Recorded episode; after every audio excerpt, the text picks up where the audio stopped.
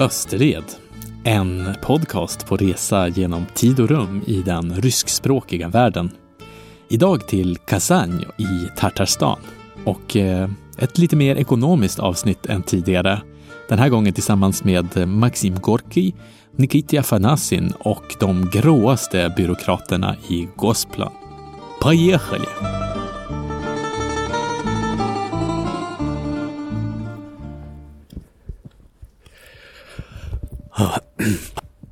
nattågen ankommer tidigt. Jag gick först med ett gäng mexikaner här fast de hade som egna planer. Och eh, borta vid kanalen som här i Kazan går det som en kanal mellan eller genom eh, stan så var det ett eh, gäng fyllon som stod och idkade handgemäng. De spöade på varandra helt enkelt så jag vände och gick andra väg nu är det så här som på spanska heter fresco. Det är kallt och kyligt, morgonkyligt i Kazan i Tartarstan. Och eh, jag går omkring och ska försöka hitta ett ställe där jag kan käka frukost och ladda min telefon. För eh, det är nämligen så att jag har lite batteri. Men eh, snabb rapport från Kazan i alla fall. Det är, um, gatorna är helt tomma. Folk vaknar sent här tydligen. Och ja, centrum verkar ganska mysigt. Det är tre våningshus. Lilla kanalen, rysk imperisk stil. Till slut så hittade jag en snabbmatskedja och kom igång med min dag och lyckades ladda upp telefonen från den sista skälvande procenten. Om det verkar märkligt det där med inspelningen och telefonen så är det så att jag spelar in podcasten med en mikrofon som jag kopplar till min telefon. Och eh, mikrofonen behöver telefonens batteri. Så det är så att jag på morgnarna ofta står i valet mellan att antingen kunna spela in någonting eller att kunna använda telefonen för att eh, googla mig fram till ett eh, matställe eller någonstans att bo. Men den här morgonen i Kazan så lyckades jag med båda. Så jag har alltså kommit fram till Kazan det är huvudstaden i republiken Tartarstan. För Ryssland är ju nämligen en federation och eh, det har man liksom ärvt från Sovjettiden då den största delstaten var det ryska federativa SSR. Idag så heter den Ryska federationen och den består av 85 eh, delstater kan man kalla dem. Subjekt i Ryska federacji, eh, federationssubjekt eller någonting sånt på svenska, fast jag försökte lära mig allihopa, alla federationssubjekt i våras och lyckades med det faktiskt. Men jag har säkert glömt några igen. Vissa är inte helt lätta. Man måste hålla isär Krasnodar och Krasnojarsk som ligger i två helt olika delar av landet. Och så finns det mm, uttalsövningar som Kabaldino-Balkarien och eh, Tjarakaj Tjerkesien. Tjevasjin som ligger i europeiska Ryssland. Det var nog den delrepublik som jag lärde mig sist. Det finns så mycket som man inte vet i Tjuvasien ligger till exempel halvmiljonstaden Cheboksari, där de flesta är tjuvaser och pratar tjuvasiska, som ett lite udda turkiskt språk. För den som är lingvistikintresserad kan man kolla upp det. En lite speciell grej med de ryska federationssubjekten är att alla inte är republiker, för alla ryska subjekt är inte lika självständiga nämligen. De flesta är oblaster, som typ Leningradski oblast eller Nizjnegorodskaja oblast som jag har swishat förbi i tidigare avsnitt. Men det finns också andra sorters delstater eller delrepubliker eller subjekt som kraj eller okrugi eller eh, federalstäder som Petersburg och Moskva. Och den mest självständiga delstatsformen är republiker. Republikerna är ofta byggda kring någon form av etnisk eller språklig minoritet. Bara för att det ryska imperiet inte längre finns så betyder inte det att alla ryska medborgare är ryssar i rent etnisk eh, bemärkelse. Eller att eh, alla är ortodox kristna för den delen. En handfull delstater har muslimsk majoritet, som här i Tartarstan eller i Bachortostan eller i Ingusjetien i Kaukasien som har den största andelen muslimer av alla ryska delstater.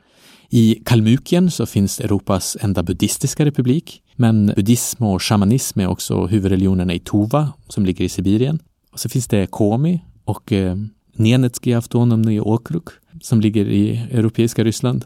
Nenetska språket liknar förresten samiska och, och de har renar och kåtor också.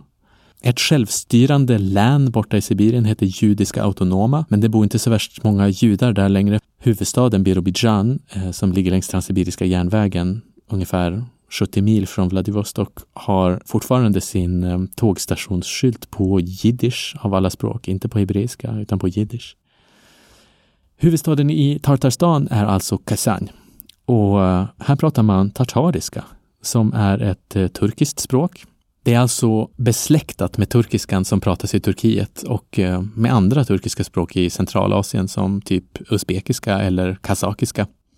Tartartele heter det på tartariska och eh, ska inte förväxlas med kyrmtili som är krimtartarska eh, som är ett helt annat eh, turkiskt besläktat språk som pratas av en helt annan folkgrupp, krimtartarer på Krim de borde ha tänkt till lite bättre när de gav namn på de där tycker jag. Men krimtartarska och tatarska är alltså två helt olika saker och pratas av olika folk i olika delar av den annars ryskspråkiga världen. För det ska sägas att alla, eller så gott som alla, pratar ryska också. Ryska är ändå Rysslands huvudspråk. Men tartariska pratas av mer än fem miljoner. De flesta i den här ryska delrepubliken Tartarstan. De flesta tartarer i Tartarstan kan tartariska. Men också en del ryssar pratade.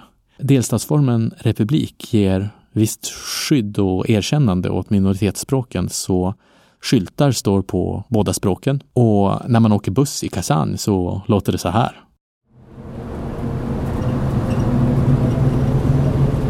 Остановка улица Чистопольская. Чистай, Урама Тукталыша. Чистопольская street stop. När Maxim Gorkin var liten så hamnade han i ett källarbageri i Kazan bland andra smutsiga och trasiga personer. I hans novell 26 män och en flicka så kämpar de förbrödrade männen från hans barndom eh, Eh, i mörkret i ett bageri och eh, i deras utsatthet så blir den vackra flicka som besöker bageriet från den fria världen utanför männens ikon. Efter ett eh, självmordsförsök 1888 så jobbade Maxim Gorki som kvasförsäljare här i Kazan. När jag åker buss eller är på bröliga ställen där jag inte gärna kan spela in så gör jag anteckningar om vad jag ska säga i podcasten. Och eh, mina anteckningar om den kvasförsäljande Maxim Gorki låter så här. Kvas, en äcklig ölliknande dryck med låg alkoholhalt som säljs av enskilda försäljare från stora omisskännliga tunnor på hjul, ofta av äldre kvinnor iförda klänning och annonserade av handskrivna skyltar där det står kvas. Det låter lite apart, men det är väldigt träffande faktiskt. Kvas är precis det, en eh, pansovjetisk tradition faktiskt. En eh, ölliknande dryck, brun, lite eh, svagdrickeaktig. Eh, svagdricka, julmust. Eh, det är liksom eh, kvasens släktingar. Jag ska lägga upp eh, bilder på kvas eh, försäljning på hemsidan så kan ni se. Men eh, Maxim Gorki jobbade alltså som kvasförsäljare. Han föddes inte här i Kazan utan i Nizjnij där vi var i förra avsnittet. Han föddes 1868 och eh, han levde ett svårt liv, blev eh, föräldralös och Lite som en rysk eh, sotarpojken, eller Kim från Kiplings roman. Efter att ha haft en mängd ströjobb så kom han till Tatarstan i tonåren. Gorki hade en konstig relation till Sovjetryssland. Å ena sidan så var han en stor tillgång för kommunisterna. I sina tidiga noveller på 1890-talet skildrar han livsfragment från den ryska underklassens eh, sunkiga livstillvaro som helt och hållet var hans eget liv. Redan på 1900-talets början så var han en känd författare. Gorki var med i ett eh, socialistiskt parti och för det så sattes han i fängelse av Tsarryssland och han hamnade i exil på Krim. Under senare delar av hans karriär så stödde han revolutionen, men just från utlandet. Det var utomlands som han behövde vara för att klara sig efter revolutionen. Han kunde aldrig riktigt fullt infoga sig i de nya sovjetiska leden. Han kom tillbaka till Sovjetryssland i omgångar under början av 20-talet så hängde han dock mest i Italien. När han dog 1932 så var Stalin en av dem som bar hans kista på begravningen. Men kanske, kanske, kanske så var det just Stalin som beordrade att eh, Gorki skulle dödas. Man döpte ju om hans eh, födelsestad till Gorki, vilket betyder den bättre. Egentligen så hette han Alexej Maximovich Peskov.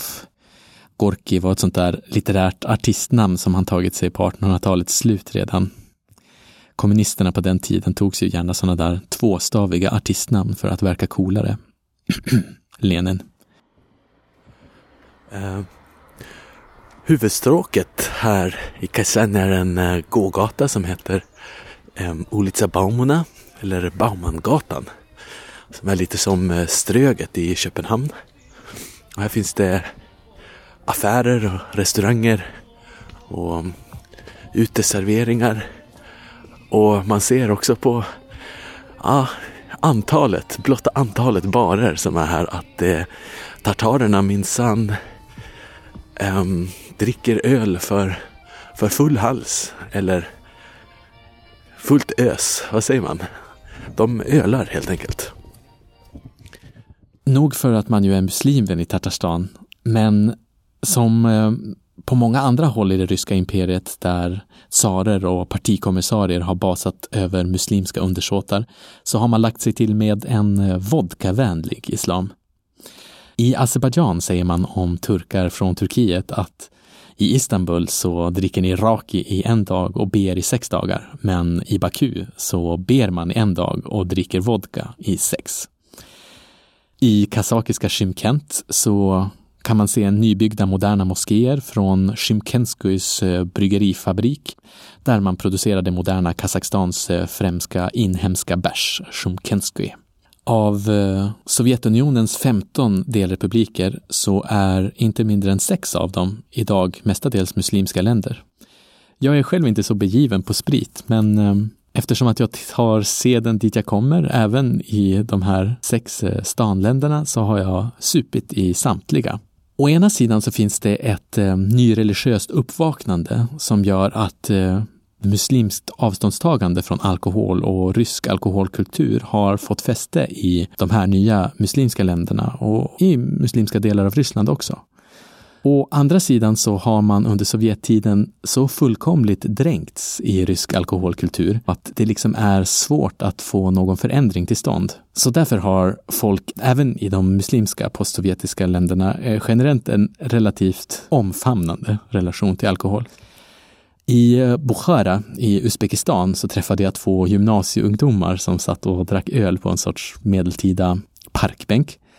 Den ena förklarade för mig att han inte drack, för det var ramadan och de var muslimer, menade han. Och muslimer och, och Mohammed, eh, de drack inte. Visste jag förresten vem Mohammed var? Jo, eh, det gjorde jag, sa jag. Maladjets.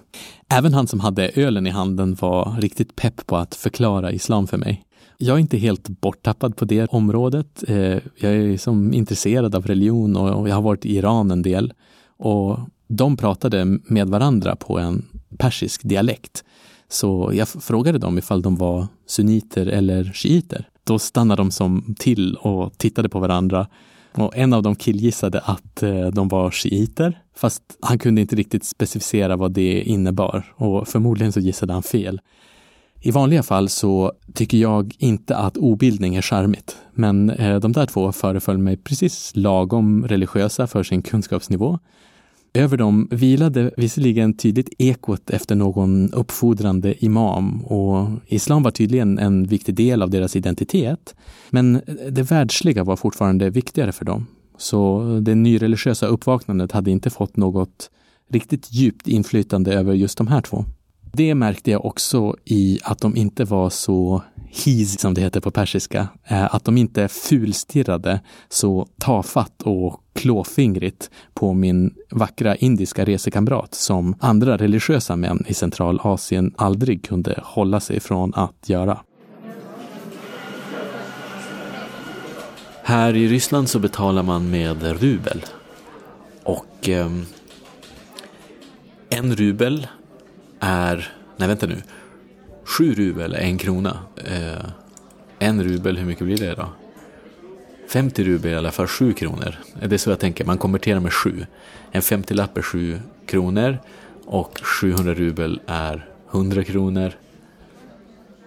Nåväl, Eh, man har sådana här mynt. Eh, det finns en, två, fem, det finns tio. Förut när jag var i Ryssland så var det eh, tio sedlar men nu har man bytt ut det till mynt.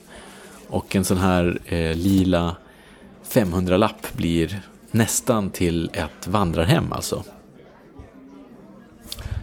Eh, Ryssland är inte ett rikt land, även om det finns många rika i Ryssland. Och rika och mindre rika köper ju lite olika saker. Och som eh, rik utlänning, eftersom att min köpkraft är ganska stark, så kan jag växla mellan att köpa normala saker och mellan att eh, sitta som nu eh, på ett café där vi har köpt en dyr kaffe för 250 rubel. Och det är ju nästan bara, ja, det är en tredjedel av vad jag betalar på ett vandrarhem. Ryssland är fullt av sådana här märkliga relativpriser. Om jag ville så kunde jag ha köpt en kaffe billigare på tågstationen mm, för typ 50 rubel kanske, det vill säga 7 kronor. Relativpriser är priser på varor relativt varandra. Till exempel, vad kostar ett äpple eh, relativt ett päron? Eller eh, vad kostar det att köpa ett kilo äpplet på en affär eller att köpa en kebab i en kebabbutik? Spridningen på olika varor i ryska affärer är mycket större än i Sverige. En billig lokal tandborste hittar man för en åttondel av priset på en snofsig importerad eh, märkesvariant av tandborstar. Generellt så är det skillnaden mellan den dyraste och den billigaste varianten av någon vara mycket, mycket större i Ryssland än i Sverige. Vandrarhem i Ryssland är ganska billigt, men kamerabatterier, som ni märkte i det första eller andra avsnittet, är väldigt dyrt. Eh, anledningen är att vandrarhemsnatten produceras i Ryssland Eh, med ryska löner och medan eh, kamerabatteriet är producerat utomlands och importerat, precis som det är importerat till Sverige. Så det kostar helt enkelt lika mycket som det skulle kosta i Sverige. I Sverige kostar det 500 kronor och, och i Ryssland kostar det motsvarande. Men i Sverige så blir samma batteri bara två av vandrarhemsnätter. Medan eh, jag i Ryssland skulle kunna bo nästan en vecka för vad det där batteriet kostade. Att resa genom världen eller genom Ryssland är att upptäcka nya uppsättningar av relativpriser på det sättet. Till exempel att tio billiga kaffe blir en vandrarhemsnatt i Ryssland eller 15 hela frukostar för en vandrarhemsnatt i Oman. När man reser i ett land som har en annan valuta så tar det ett tag innan man börjar tänka i den valutan och känna av vilka priser som är vettiga och när någonting är dyrt eller billigt. Men eh, nu tycker jag att jag börjar känna av rubeln ganska bra. Det är inte så att jag går omkring och konverterar priser hela tiden utan jag, jag har någon form av måttstock. Ungefär hur mycket jag tycker att en, en rubel hundralapp ska, eh, ska ge mig. Liksom.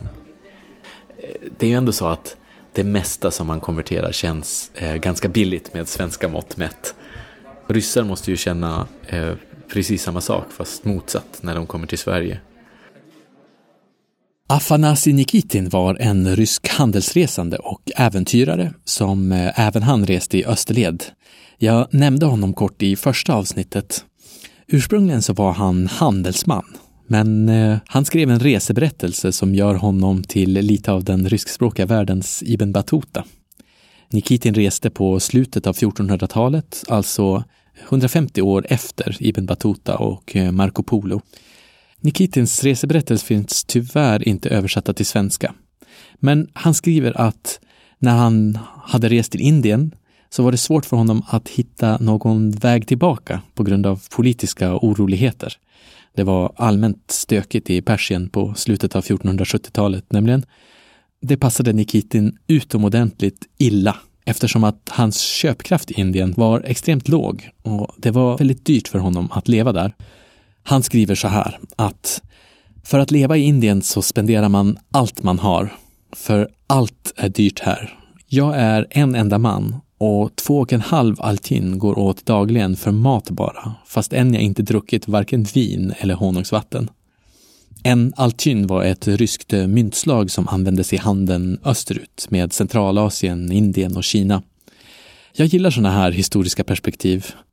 Idag så kostar en rysk rubel ungefär 14 öre och ryssar som tjänar i genomsnitt 42 000 rubel i månaden får alltså typ eh, knappt 6 000 kronor. Och för dem kan man inte köpa speciellt mycket i Sverige. Kanske skulle Afanasij Nikitin haft eh, lite samma upplevelser idag ifall han reste till Sverige. Desto mer kan dagens ryssar köpa för sina rubel i Indien, som nu har tappat sin roll som världsledande ekonomi. Annat var det på 1400-talet, då Indien stod på topp. Här inne på Kazans eh, Kremlin så står det faktiskt en enorm moské med eh, vita torn. Ehm, ett Kremlin är ju som en eh, stadsfortifikation och innanför Kremlinmurarna så fanns det i ryska städer ja, men en småkungspalats och eh, kyrkor. Men eh, här i Kazan så är det alltså en, en moské. Det är eh, ganska mycket turister här och eh, relativt fler av turisterna är från andra muslimska länder, tänker man. Jag har hört mycket persiska pratat på gatorna och jag har sett, eh, jag har sett eh, arabiska familjer och eh, hört turkiska talat. Men eh, nu ska jag gå in i moskén och se vad som... Eh, kolla in läget. Moskén var mest som ett museum, inte så stämningsfullt som moskéer kan vara i Turkiet eller pampigt som på Arabiska halvön, utan lite mer kargt och kanske lite ryskt. Eh, bara stilen var ganska rysk-ortodox tycker jag med höga vita minareter istället för lökopoler bara. Jag eh, hängde runt ett tag på Kremlin i Kazan och hoppades få höra ett ryskt bönutrop från moskén. Men eh, det blev inget sånt. Under mina dagar i Kazan så hörde jag faktiskt inte ett enda. Men eh, nu ska jag byta tema helt. Jag tänkte prata om det ekonomiska systemet i Sovjetunionen, om eh, planekonomin. Planekonomin var inte alls statisk över tid, eh, utan genomgick flera viktiga stader i utveckling från Lenins NEP-politik som tillät visst privat ägande till eh, den hårda tiden under Stalins tvångsförstatligande och den hårdkokta kommunismen och andra världskrigets eh, krigskommunism. 50-talets jordbruksexpansion under Khrushchev och stagnationen under 70-talet som sen övergick i utspårade reformförsök under slutet av 80-talets perestrojka. Jag tänkte börja från grunden och prata om vad planekonomi är för någonting. Det måste man ha koll på ifall man vill förstå det sovjetiska samhället och, och den sovjetiska människan. Livet i Sovjetunionen är, helt sammanvävt med dess ekonomiska system nämligen. Och det, det här systemet är både smartare och häftigare och galnare och, och mycket tråkigare än man först kan tro. Så planekonomier är alltså ekonomier där samhällets resurser dirigeras av staten istället för genom konsumenters val bland konkurrerande, ofta privata företag. De som planerade i Sovjetunionen var Gosplan Gosplan är en sån där typisk sovjetisk akronym. Государственный комитет по планированию, eller Stakomplan kanske på svenska för eh, statliga kommittén för planering. Det var de som fördelade resurserna i den sovjetiska ekonomin. De räknade ut vad som kunde produceras, hur mycket, var, när, vart, vart varorna skulle, vad de skulle användas till, transporter av dem och så vidare. Tänk er vilket enormt pussel. I en marknadsekonomi som vi har och som vi ju är vana vid så uppstår produktionen av en vara när den är eftertraktad och någon kan tjäna pengar på att producera den och sälja den. Men i Sovjetunionen var sånt förbjudet. Företag ägdes av staten och det var de som producerade och Gosplan som bestämde. Gosplan tog ju också politiska direktiv av politbyrån och, och det politiska ledarskiktet i Sovjetunionen. Skälet att planera ekonomin var ju i grunden ideologiskt och, och målet med det var att ha kontroll över fördelningen av alla resurser i samhället. Fungerar det här då? Ja, ja, är väl svaret. Det fungerade både häpnadsväckande väl, eh, fast egentligen inte alls. Gosplan behövde ju göra en ekonomisk ekvation som är alldeles hisnande stor. Och det mesta av det gjorde man ju innan man hade datorer. Man hade över 20 000 olika varor och tjänster som man planerade, typ stålbjälkar, rymdmat, tandborstar, traktordäck. Principen var att man gjorde en plan för uppskattat behov i ekonomin för respektive vara, eh, vilket i sig är en helt omöjlig uppgift. Sen räknade man ut vad som skulle behövas för att producera de här varorna eh, som man hade beräknat behovet av. Och sen pusslade man ihop produktionsplaner och produktionsförutsättningar så att eh, output och input skulle matcha och så delegerade man planen eh, nedåt till de olika regionerna och till lokala statliga företag. I praktiken så blev det så att planen var både för skral och alldeles för ambitiös. För man planerade för mindre varor än vad folk faktiskt behövde. Men man ålade de fabriker som skulle producera varorna att producera mer än de klarade av. Jag har forskat lite grann, men inte hittat var Sovjet producerade sin tandkräm, som jag tog som exempel. Men i planen för 1987 så tänkte sig Gosplan att man behövde 480 miljoner tuber tandkräm. Det är en och en halv tub per person och år. Och därför blev det tandkrämsbrist.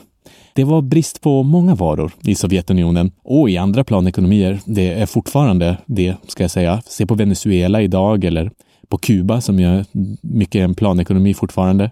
När jag var på Kuba så fanns det inte tvål till exempel, så kubaner frågade ständigt ifall man hade tvål med sig utomlands ifrån.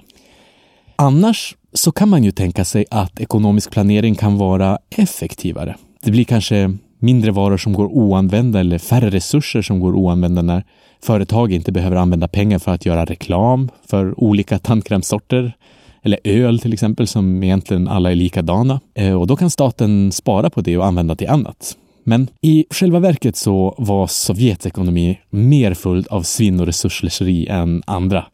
Hur får man ut rätt mängd av tandkräm till alla som behöver till exempel? Och vad ska en fabrik göra om man har ingredienserna för att göra en tandkräm men ingen aluminium för tuberna eftersom att aluminiumproducenten inte klarade att uppfylla sin plan? Det är inte som att man kan köpa aluminium av någon annan leverantör direkt. Det fanns ju bara statens tilldelade resurser. Ändå så lyckades Sovjetsystemet på det här sättet att bygga hela samhällen. Man byggde hus, städer, rymdraketer. Man vann andra världskriget. Folk bakade bröd. Ehm, man hade helt enkelt ett i stort fungerande samhälle. Glatt intresserad av det här samhället och livet som man levde i den planerade ekonomin så begav jag mig till museet över kommunismen här i Kazan. Det här museet är helt klart ett av Rysslands sämsta museer. Um, hit hittade jag genom en Wiki Travel-artikel som sa att man skulle gå hit. Men det är mest som en loppmarknad med massa prylar bara. Grejer överallt, överallt och ägaren hängde efter mig först och skulle signera någon t-shirt utan anledning. Han kommer säkert sälja den efteråt. Nu är jag på en lite avskärmad övervåning här med gamla barnböcker och bilder på Vysotsky. Eh, så det är ju fint. Enda behållningen här, annars är det bara skit. Som Disneyland, fast utan själ. Eh, och ett gäng amerikaner gick omkring här nere och förundrades och ägaren förklarade att ja, ja så här var det verkligen på Sovjettiden. Och amerikanerna bara wow, kolla de hade tio plåtburkar. Fullkomligt meningslöst. Jag tror att jag blev upprörd över det här museet eftersom att det inte riktigt hade någonting med livet i Sovjetunionen att göra. Det försökte inte förklara någonting fastän det finns en annan värld att förklara. Det, jag tycker att det är någonting som behöver förmedlas med hur Sovjetsamhället var och att museet gav en intrycket att det skulle försöka men här hade man inte tagit sitt förflutna på allvar utan försökte bara sälja det som en image man kan inte förstå någonting från ett rum som bara är fyllt med massa random pryttlar.